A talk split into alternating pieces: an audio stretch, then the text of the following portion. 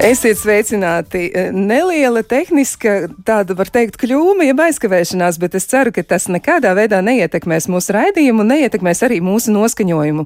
Esam klāt ar jums, jā, protams, kā labāk dzīvot, neliela muzikāla iestarpināšana, tāda, un eh, varbūt arī savā ziņā tas pat mums reizēm ir nepieciešams. Un kā reizi, nu, man šajā brīdī var teikt, iespējams, ka pat bija vairāk tā saucamā oksidatīvā stresa, un man noteikti varētu būt vairāk nepieciešami šobrīd antioksidanti varbūt ne gluži šī sakarība strādā tieši tādā veidā, bet mēs kā reizi šodien mēģināsim izpētīt, kas tad ir antioksidanti un kā mums mazināt ikdienas stresu.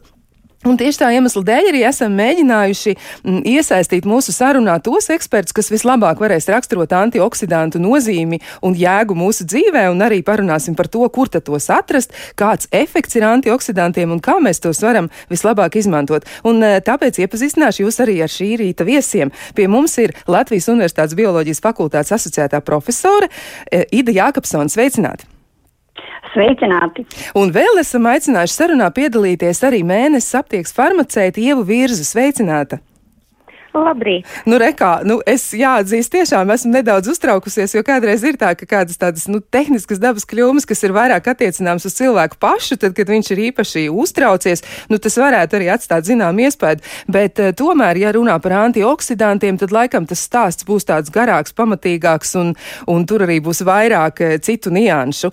Un, uh, protams, ka nu, mēs zinām to, ka cilvēku organismā katru mirkli, katru sekundes daļu notiek miljoniem dažādu bioķīmisku reakciju bet tomēr eh, nu, tās mums ir savā ziņā gan nepieciešams, gan dažreiz arī tās nāk mums par labu, un kādreiz arī ir tā, ka tās nu, kaut ko saposta vai reizēm arī dara mums pāri. Nu, vispirms es gribētu uzdot jautājumu profesorai Idai Jākapsonai. Nu, varbūt jūs varētu atgriezties pie pašiem pirmsākumiem un pateikt.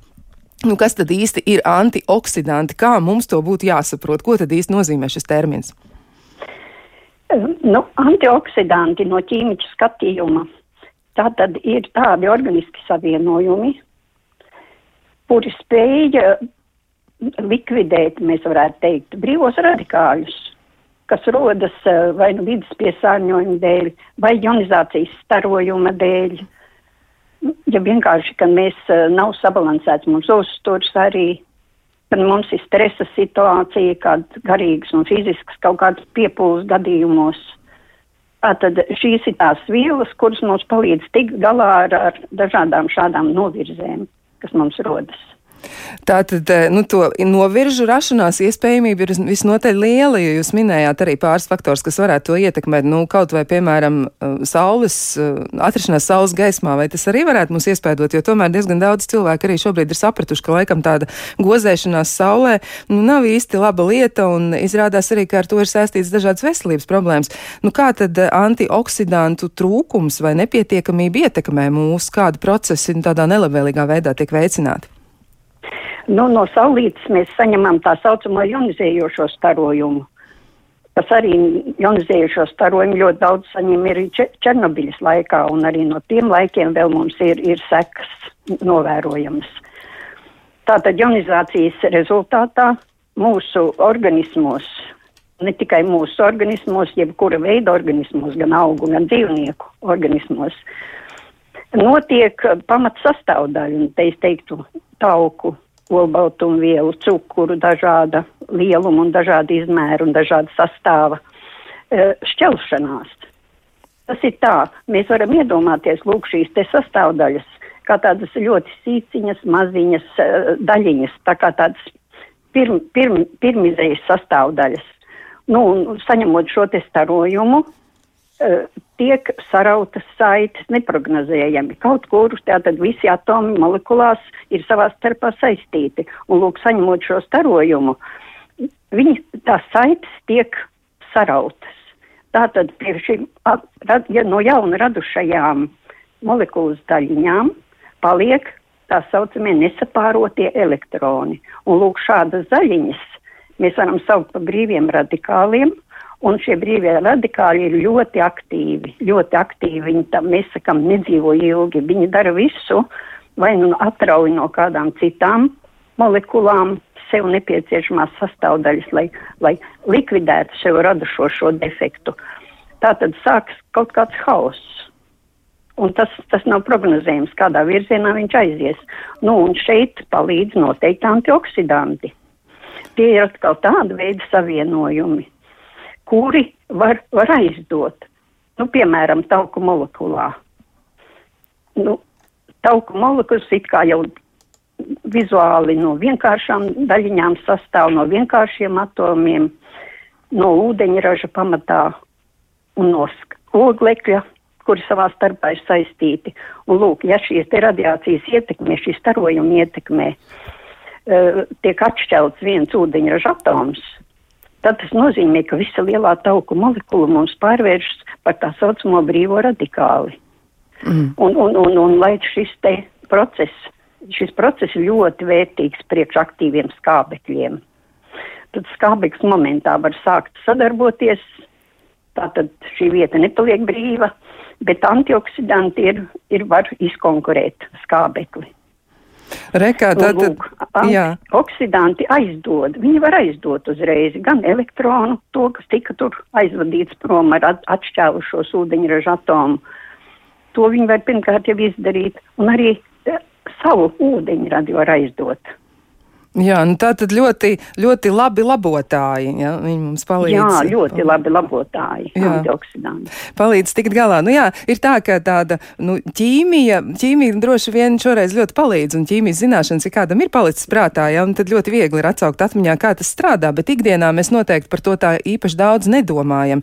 Un e, būtu vērts tomēr to atcerēties. Bet, e, nu, ja mēs domājam arī par to, kādi tad vēl ir tie, mm, nu, tie konkrētie nosaukumi antioksidantiem, varbūt šajā mirklī es sarunā varētu iesaistīt arī farmacētu ievu virzu un jautāt jums, nu, kā mēs viņus varam atpazīt, jo antioksidanti ir arī nu, tādi ļoti konkrēti, ja, un, un viņi tiešām tiek pārstāvēti, un ļoti tieši mēs arī varam viņus atpazīt. Varbūt jūs mums dažus vārdus un uzvārdus varat nosaukt. Jā, eh, tiešām lieliski eh, profesori mums izstāstīja visu ķīmisko, eh, ķīmisko gan oksidantu, gan antioksidantu uzbūvu, un tas ir tiešām gana interesanti, bet mums farmaceitiem strādājot ikdienā ar pacientiem, protams, kad pacients vēlās saklausīt kā, ne tikai ķīmisko reakciju, kas notiek organismā, bet pacienti vēlās saklausīt, lai tiešām būtu tā sajūta, ka man šis katrs antioksidants ir ļoti nepieciešams. Līdz ar to Protams, ikdienā e, mēs vairāk saviem pacientiem stāstām par to, kādēļ antioksidants ir mums tik ļoti, antioksidanti ir tik ļoti svarīgi. Un tā galvenā doma, protams, ir tā, ka mēs domājam par sava organisma um, pirmsākumiem. Tātad mēs domājam par to, ka visa veselība, vesela organisma veselība sākas no veselas šūnas. Tātad eh, noteikti savukārt atkal eh, noteikta grupa šūnu veido audu, tātad šūnu grupu. Savukārt šie eh, noteikta veida audi jau tālāk veido orgānu vai orgānu sistēmu. Un no šī tieši nosacījuma, cik vesela būs šī viena šūna, šī šūnu grupa un audi, mēs tātad novērtējam, vai mūsu organisms strādā pilnvērtīgi, tātad viss sākās no mūsu šūnu veselības. Un tieši šie antioksidanti, šie lieliskie palīgi ir tie, kas e, tieši es vēlētos uzsvērt uz var un iespējams uzlabot un noturēt mūsu šo organismu ves veselību. Un, ja mēs agrāk, protams, vairāk runājām par to, ka ir vitamīni, vitamīni ir ļoti plašs klāsts, tāpat arī ir minerālvielas un mikroelementi, tad vairāku gadu garumā e, pētot vairāk un padziļinātāk šos vitamīnu darbību organismā, tieši bioķīmiskos procesos atklājās, ka vairākiem vitamīniem, mikroelementiem, kā arī e, ekstraktiem, kas ir izdalīti no augiem, ogām a, un, un dārzeņiem, ir ļoti vēlama organismā šī darbība, antioksidantu darbība. Līdz ar to sanāks tā, ka mēs runājam par vitamīniem, bet vairums vitamīniem ir šī, šī antioksidantu spēcīgā iedarbība. Līdz ar to tie ir mums ļoti labi zināmie daudzi, kas ir A vitamīns, tātad, kas nodrošina gļotādas aizsardzību. Mēs zinām, ja vesela gļotāda tātad vīrusam un infekcijai ir sarežģītāk iekļūt mūsu organismā. Tas ir E vitamīns, C, selēns, cinks, varš, magnīts. Tie būtu tie pazīstamākie. Un ļoti plašs klāsts, jo pētījumi turpinās, ir izdalīti ekstrakti no augu valsts. Tātad ļoti lieliski strādā priežu mīzes ekstrakts, zeaksantīns, likopēns izdalīts no tomātiem, astaksantīns no mikroaļģēm. Tā varētu turpināt, eh, nu, šis saraksts ir tiešām liels un tie pētījumi turpinās katrai šai izdalītajā vielai ir lieliski iedarbība uz mūsu organismu katru šūnu. Jā, tad skaidrs, nu, tas nozīmē, ka mūsu iespējas eh, saņemt antioksidantus ir ļoti, ļoti liels. Mēs varam izvēlēties, protams, arī nu, vitamīnu kompleksu un uh, to izmantot, bet varam arī mēģināt atrast to dabā. Jūs arī teicāt, ja, ka ir diezgan daudz tādi augi, kur ir ļoti daudz antioksidantu, ja antioksidatīvās īpašības ir tiešām tādas ļoti labas. Un uh, te es atkal atgriezīšos ar jautājumu pie profesora Sīdz Jēkabsons. Varbūt jūs varat pastāstīt vairāk, kuros tad pārtiks produktos vai augos mēs varam antioksidantus atrast, jo droši vien cilvēkiem arī ir savas domas par to, kā viņiem šķiet, kas tad ir tas veselīgākais un labākais veids, kā antioksidantus uzņemt. Bet par to mēs vēl parunāsim, bet pastāstīt, kas tad ir ar augiem, ar, ar, ar, ar dabu, ar, ar augu valsti. Nu, daba mums ir ļoti bagāta, it sevišķi mūsu reģi, reģionā.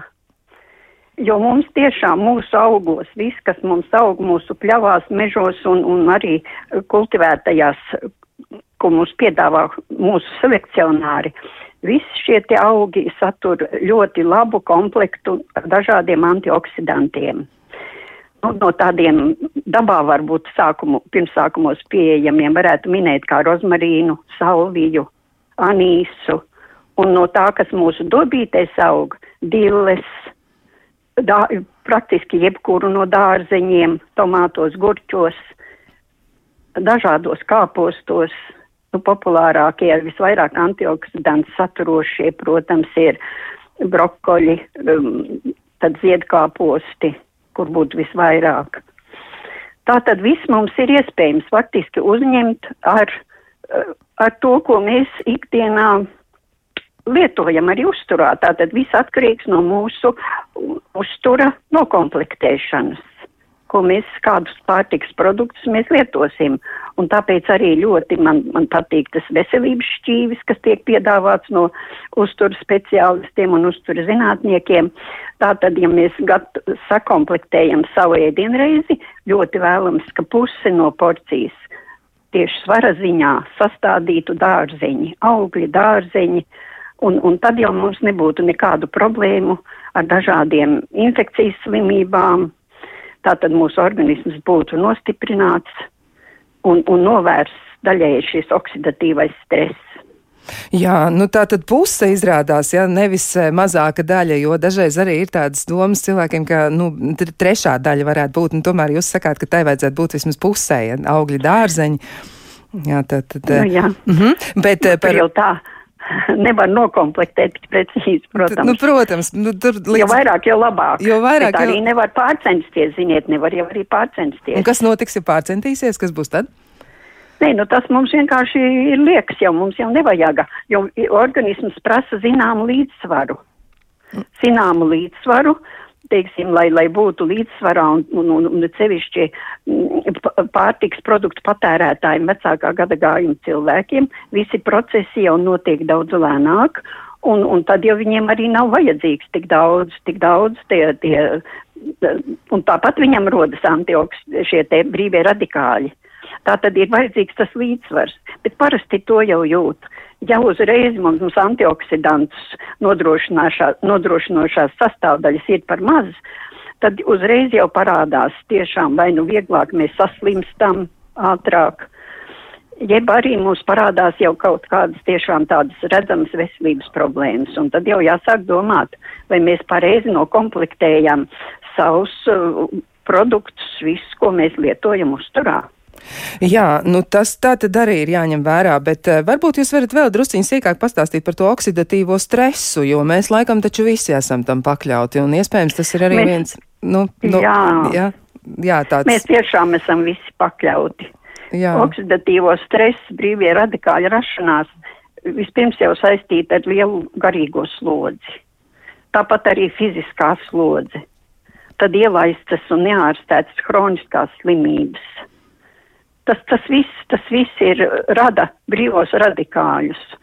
Un lūk, mums ir pilnīgi iespēja, kad nebūs nodrošināts šis līdzsvars starp antioksidantiem un lūk šiem brīviem radikāļiem.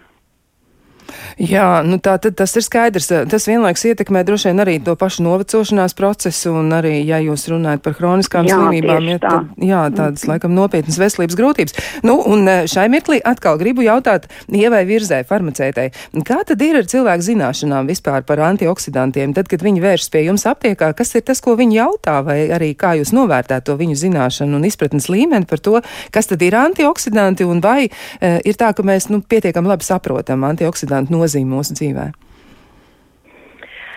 Nu, antioksidanti katra pacienta dzīvē un zināšanās noteikti sakarā ar to, ka šobrīd um, ir pasaulē saslimstība ar covid, noteikti ir palielinājusies. Gan zināšanas, gan arī, protams, tas, uh, kā pacienti vēršās pie mums ikdienā aptiekā ar jautājumu, kā labāk pasargāt sevi uh, no vīrusu saslimšanām, jo tas noteikti ir tas, kas mums visvairāk ir atmiņā, ka pirmām kārtām antioksidants tieši ietekmē pozitīvi mūsu imūnsistēmu.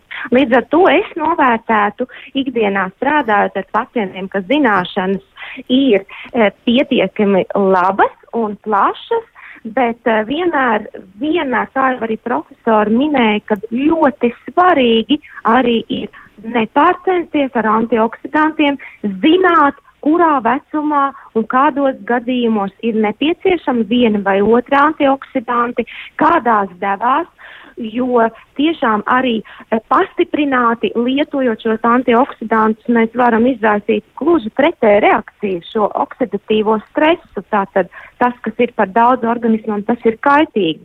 Līdz ar to vienmēr, tomēr nepieciešama, pirms mēs sākam lietot, ir nepieciešama konsultācija vai nu pie uzturs speciālista, vai pie ģimenes ārsta, vai pie farmaceita un um, izrunāt šo vajadzību, jo katrā vecumā tā ir dažāda.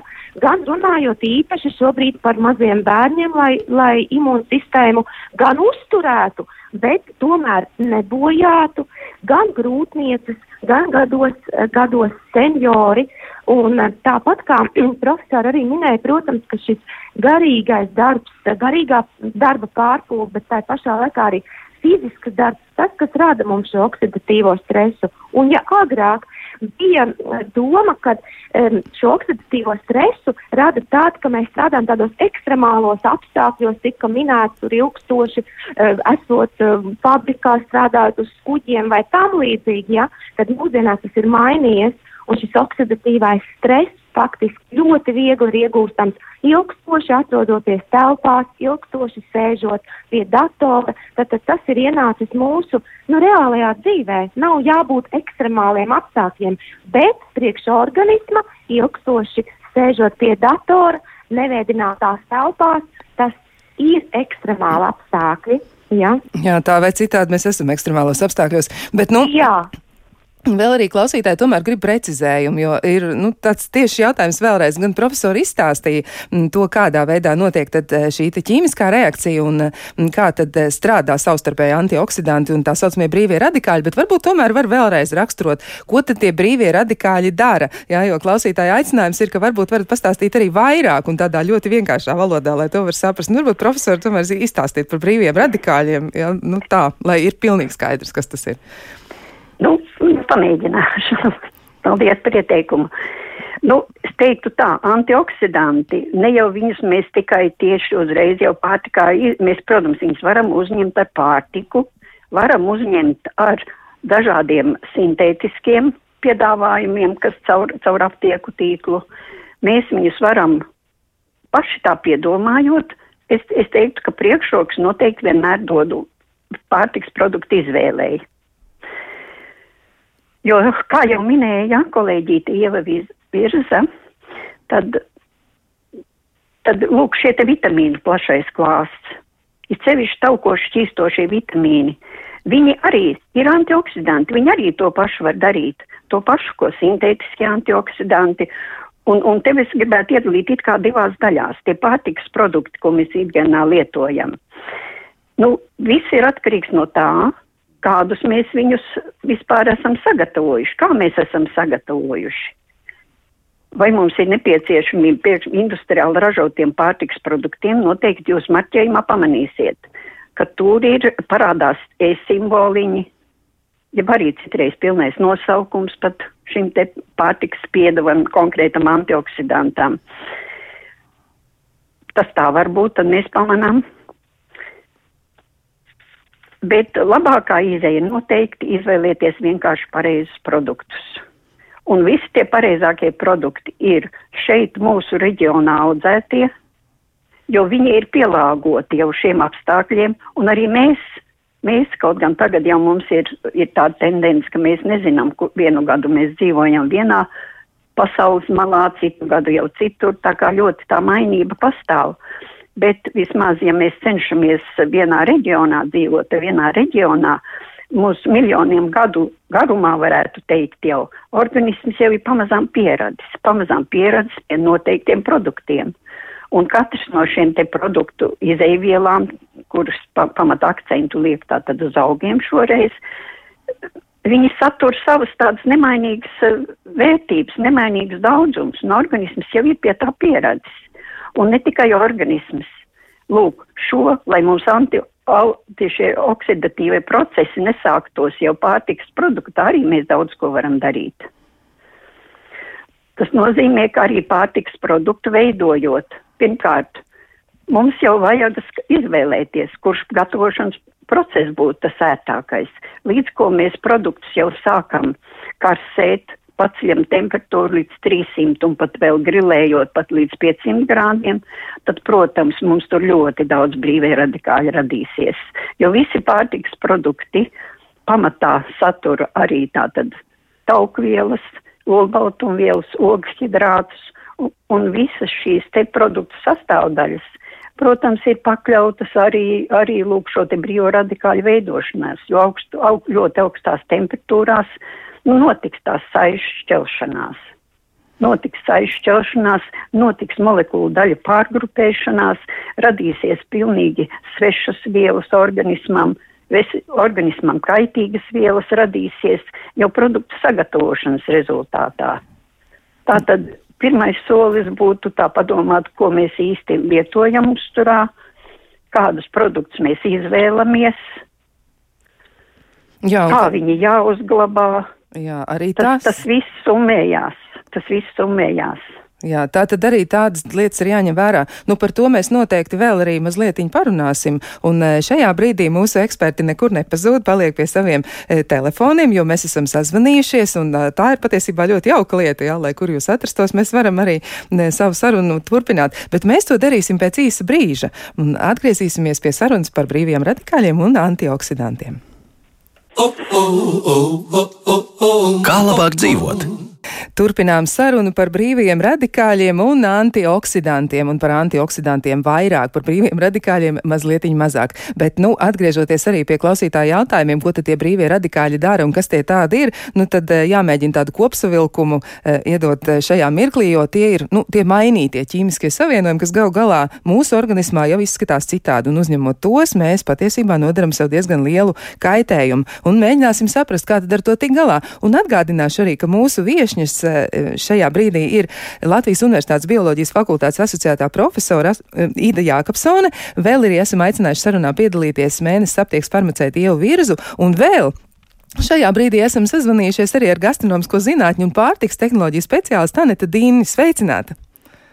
Labdien! Nu, rekā, mēs esam tādā ļoti e, jaukā kompānijā šobrīd, un klausītājiem arī ir ļoti, ļoti daudz jautājumu par to, un viņi diezgan labi no vienas puses arī orientējās, e, kā izskatās antioksidantos, un diezgan daudz par to arī interesēs. Un e, ir jautājums, un viens no jautājumiem ir tāds, m, mm, kur uzreiz arī gribas uzdot jūsu domas par kombuču, jeb tā saucamo tējas sēni. Nu, tur arī ir tādas daudzas leģendas ja, ar, ar, ar šo te mm, saistītas, un varbūt, kad varētu arī profesori komentēt komentēt, nu kā tad ir ar tējas sēni, tāda pazīstama lieta jau no vecmāmiņa laikiem. Man liekas, man vecmāmiņa arī tējas sēni lietoja un izmantoja. Ko jūs teiksiet, vai tur ir antioksidanti un eh, kā mums pret to izturēties? Jā, tējas sēni, nu, pavisam nedaudz varēšu komentēt. Bet esam, esam jā, laboratorijā studenti ir mēģinājuši noteikt aktivitāti, tieši antioksidatīvu akti, aktivitāti. Uh, un antioksidatīva aktivitāte ir tējas sēnei. Nu, pirmkārt, jau viņa tiek audzēta, viņa tiek audzēta e, reāli tējas novārījumā. Tātad tā ir tēja, kurā ir jau ūdens vidē, jau ir pārgājuši um, tātad dabīgie antioksidanti, nu, no tām tējas zālītēm, kādas nu, mēs esam izvēlējušies. Vai tā ir zaļā tēja vai me, melnā tēja ja mēs viņu audzējam, tātad viņa it kā sēne saņem sev labumu, lai viņa kā polimērs tur varētu pati augt, uzņem nepieciešamās uzturvielas no tējas, un, un mēs zinām vienalga vai zaļā vai melnā tēja, viņā tāpat ir visas sastāvdaļas, viņā tāpat ir olbaltumvielas, tauki, vitamīni, visi nepieciešamā daudzumā, un tā sēnīte var, kā kāds dzīves organisms, varētu teikt, var, var augt un vairoties. Tātad DSN, protams, ir atgrieniski. Tas process tiek pavadīts, tur skābes izdalās, atbrīvojās arī. Un arī šie te bioloģiski aktīvie savienojumi, kas mums ir vajadzīgi. Tā kā es tur arī neko sliktu TSN sastāvā nesaskatu. Tā tad labi, mēs varam audzēt ēstēni, varam izmantot, un ja nu kādam mājās ir un kādam vēl nav un kādam kārojas, ja tad var savstarpēji arī dalīties, un ēstēnas izmantošana noteikti nāks par labu. Bet, nu, arī farmaceiti uzreiz gribu mm, izvaicāt par šo, vai ir tā, ka, nu, ēstēne, nu, laikam, tas tomēr nevar aizstāt zāles, ja, un, eh, ja cilvēks tikai paļausies uz ēstēnu savā dzīvē, ka tas izārstēs visu, laikam ar to būs par maz. Nu, noteikti, ka jā, īpaši, īpaši domājot tikai tāpat kā pacients bieži vien uzskata, ka antioksidants vislabākais ir vai nu C vitamīns, vai A vitamīns, vai selēns. Tātad vairāk es vērstos um, ar tādu domu pie pacientiem, kad mēs nedomājam par kādu konkrētu antioksidantu un piešķirot viņam labāko un izcilāko darbu organismā. Mēs vairāk ikdienā domājam par to, kā šie antioksidanti kā kopums strādā. Tātad mēs, ja mēs uzņemam uh, sintētiskā veidā vai ekstraktus kā uztura bagātinātājs aptiekā iegādājamies šos antioksidantus, tad vairāk mēs domājam par antioksidantu kopumu. Jo kas ir ļoti svarīgi, šie antioksidanti potencē viens otra darbību. Tātad, e, piemēram, viens no vairāk populārākajiem selēns, selēns ir tas, kas uzlabo arī citu antioksidantu darbību mūsu organismā. Līdz ar to mēs pārsvarā pacientiem piedāvājam antioksidantu kopumu, kur ir gan augi, gan vitamīni, gan mikroelementi. Līdz ar to es domāju, ka vienmēr domājam plašāk, jo Domāju, ka nav tādu pacientu, kurš varētu spēt saprast, kurā dzīves brīdī, kurš tieši antioksidants ir tas, kas trūkst mūsu organismā. Līdz ar to mēs domājam, kā vesels kopums, mēs lietojam šos antioksidantus un tātad viņi kopumā var pozitīvi ietekmēt mūsu organisma darbību. Nu, skaidrs, labi. Nu, tad mums ir jāņem eh, nu, vērā tas, ka tur tomēr ir jābūt vairākām lietām vienlaicīgi. Un noteikti arī pie kāda konkrēta veselības traucējuma tad ir vērts interesēties par to specifiku. Bet šajā mirklī man gribas eh, jautāt Anetai Dinnai.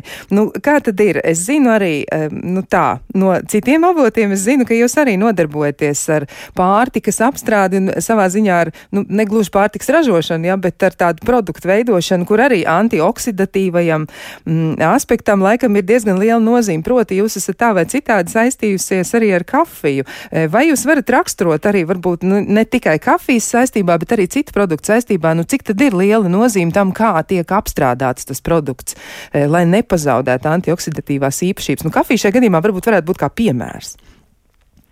Uh, jā, uh, kafija varbūt šajā ziņā ir mazliet izņēmums, tāpēc, ka graudējot to mēs tieši potencējam antioksidantu um, iedarbību.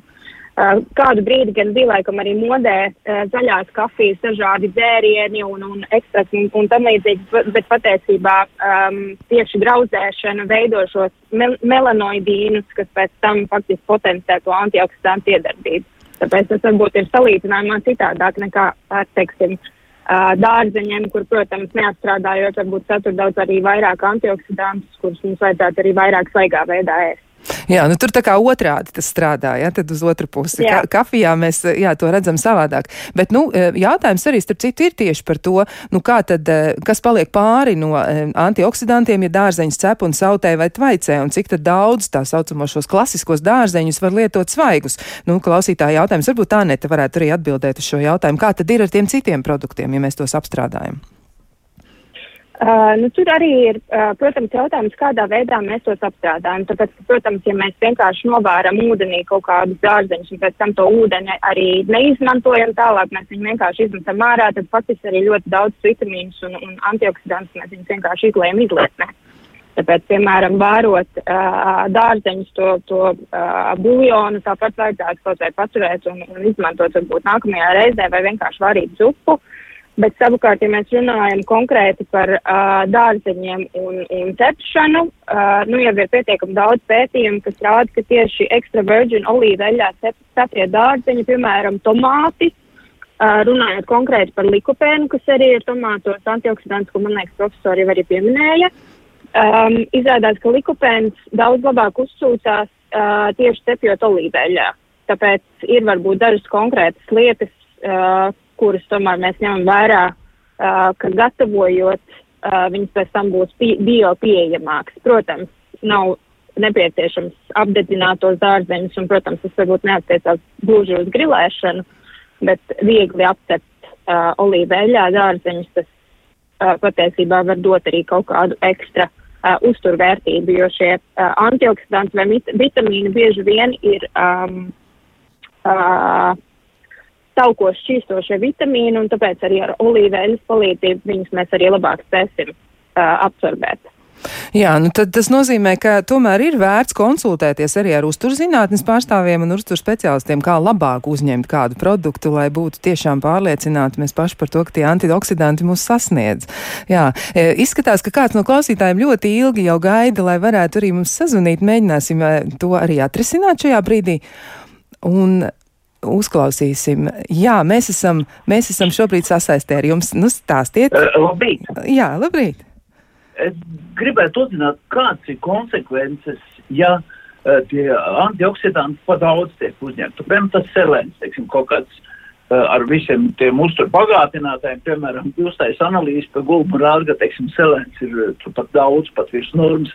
Kāds ir vispār konsekvences? Ja, medicīniski tie pa daudz tie antioksidanti. Jā, labi, tūliņ mēs arī noskaidrosim. Jā. Jā, nu kurš tad būs gatavs atbildēt, vai tā būs Ieva virza?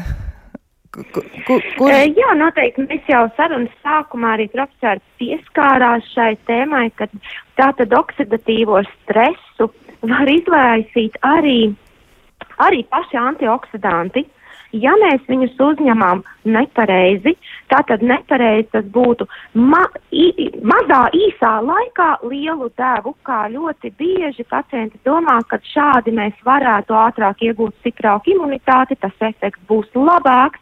Tātad mēs palielinām devu, eh, katrs pats indivīds ieņem lēmumu palielināt devu un eh, īsā laikā. Tātad tādā veidā arī šis selēns mums var radīt oksidatīvo stresu, tātad pilnīgi šo reakciju pozitīvo pārvēršot negatīvi, ja? Un tāpēc vēlreiz es vēlētos atgādināt, ka tā antioksidantu pozitīvā darbība mūsu organismā e, ir pareizā devā Un tā tad, protams, ir dažādi arī, ja mēs runājam tieši, es vairāk runāju tiešām par produktiem, kas um, uztur bagātinātā, kas nopērkam ir um, farmācijā, aptiekā. Tā tad mēs uh, skatāmies uz ražotāja norādīto devu, jo, protams, mēs, um, mēs katram uh, ražotājam ir sav, varbūt savs pētījums, kāpēc tieši tāda deva. Jā, viņas var būt dažādas, un pacienti bieži jautā, kāpēc viņas ir dažādas un atšķirās. Tāpēc, ka selēns var būt viens pats, selēns var būt kompleksā ar kādu, līdz ar to tās devas var mainīties. Bet mēs pieturamies visi pie rekomendējumām devām, un tas otrs galvenais punkts ir darām to ilgstoši. Tātad pareizā uzturošā dabā un ilgstoši. Mēs nevaram sagaidīt no antioksidantiem pozitīvu iedarbību, padarot, palietojot nedēļu vai divas.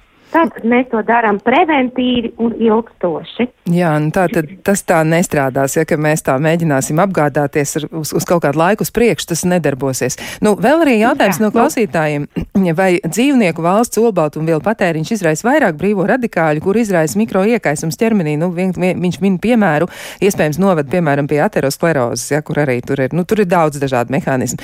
Un jautājums ir, vai tas ir tā eh, nekā augu valsts olbaltumvielu patēriņš, ja, piemēram, pupas, jo pākšaugos taču arī ir antioksidanti, bet dzīvnieku valsts produktos to nav. Ja tā raksta mūsu klausītājs, nu, tad varbūt arī mēs varam par šo saņemt komentāru.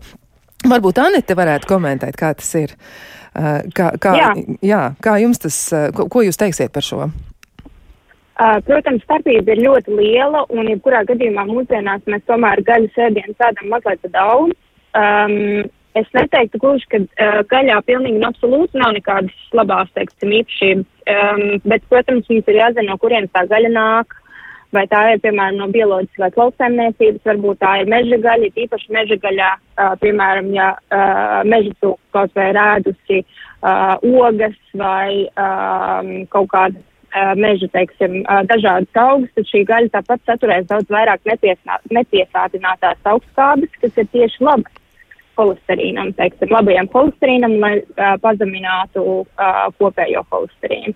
Bet, protams, ja mēs nopirksim veikalā kaut kādas nezināmas izcelsmes, uh, vai tā ir lielopa gaļa vai visa vai vienalga kāda cita uh, dzīvnieku uh, valsts olbaltumviela, tad, protams, mēs no tā īpaši labu ieguvumu droši vien, ka nedabūsim, un tad, protams, ir labāk skatīties uz augu valsts, piemēram, tā pašām pupām vai lēcām,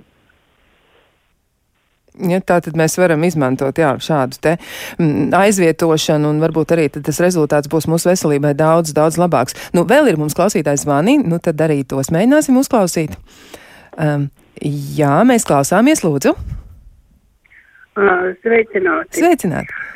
Um, mani, man ir tāds jautājums, uh, runājot par visām labām lietām, bet kā tad notiek uh, tie procesi pašā augā, ko jūs mums te iesakat ēst, jo visur mēslo uh, nav tāda vieta, kura ir tīra, kur var izaudzēt tīru brokoli, puķkāpustu, burkānu, jo viss tiek niglots un, un, un mēslots ar ķīmiju. Jā, mēģināsim atrisināt arī šo jautājumu, vai vismaz mēģināsim atrast atbildi. Varbūt eh, profesora Ida Jākapsona varētu komentēt, nu kā tas ir, jo tiešām, nu, ķīmija tiek lietot arī lauksaimniecībā, tas ir skaidrs. Jā, tā, tāda patiesība ir. Protams, paši pārtiks produkti svarīgi, ja, lai viņi pēc iespējas mazāk arī, arī saturētu sevī tā saucamos pārtiks piesārņotājus dažādus, kurus var iegūt pirmkārt jau audzēšanas situācijā, ka mēs, kad audzētāji pārcenšas un, un, un sabaro un, un sakais antiseptiķus pa daudz un, un visu kaut ko tādu sadara, tad, protams, vairāk vai mazāk viņi šīs te svešās mūsu organismam vielas, nu, nonāks mūsos arī, jā. Ja? Bet, nu, te jāsaka tā, ka ir, ir attiecībā uz to, ko mēs varam saņemt sliktu no pārtikas. Uh, nu, arī pārtiks produkti mums ir ļoti dažādi. Piemēram, ir tādi pārtikas produkti, kuri paši sevi jau satur tā saucamos konservantus. Konservanti ir ļoti līdzīgi antioksidantiem.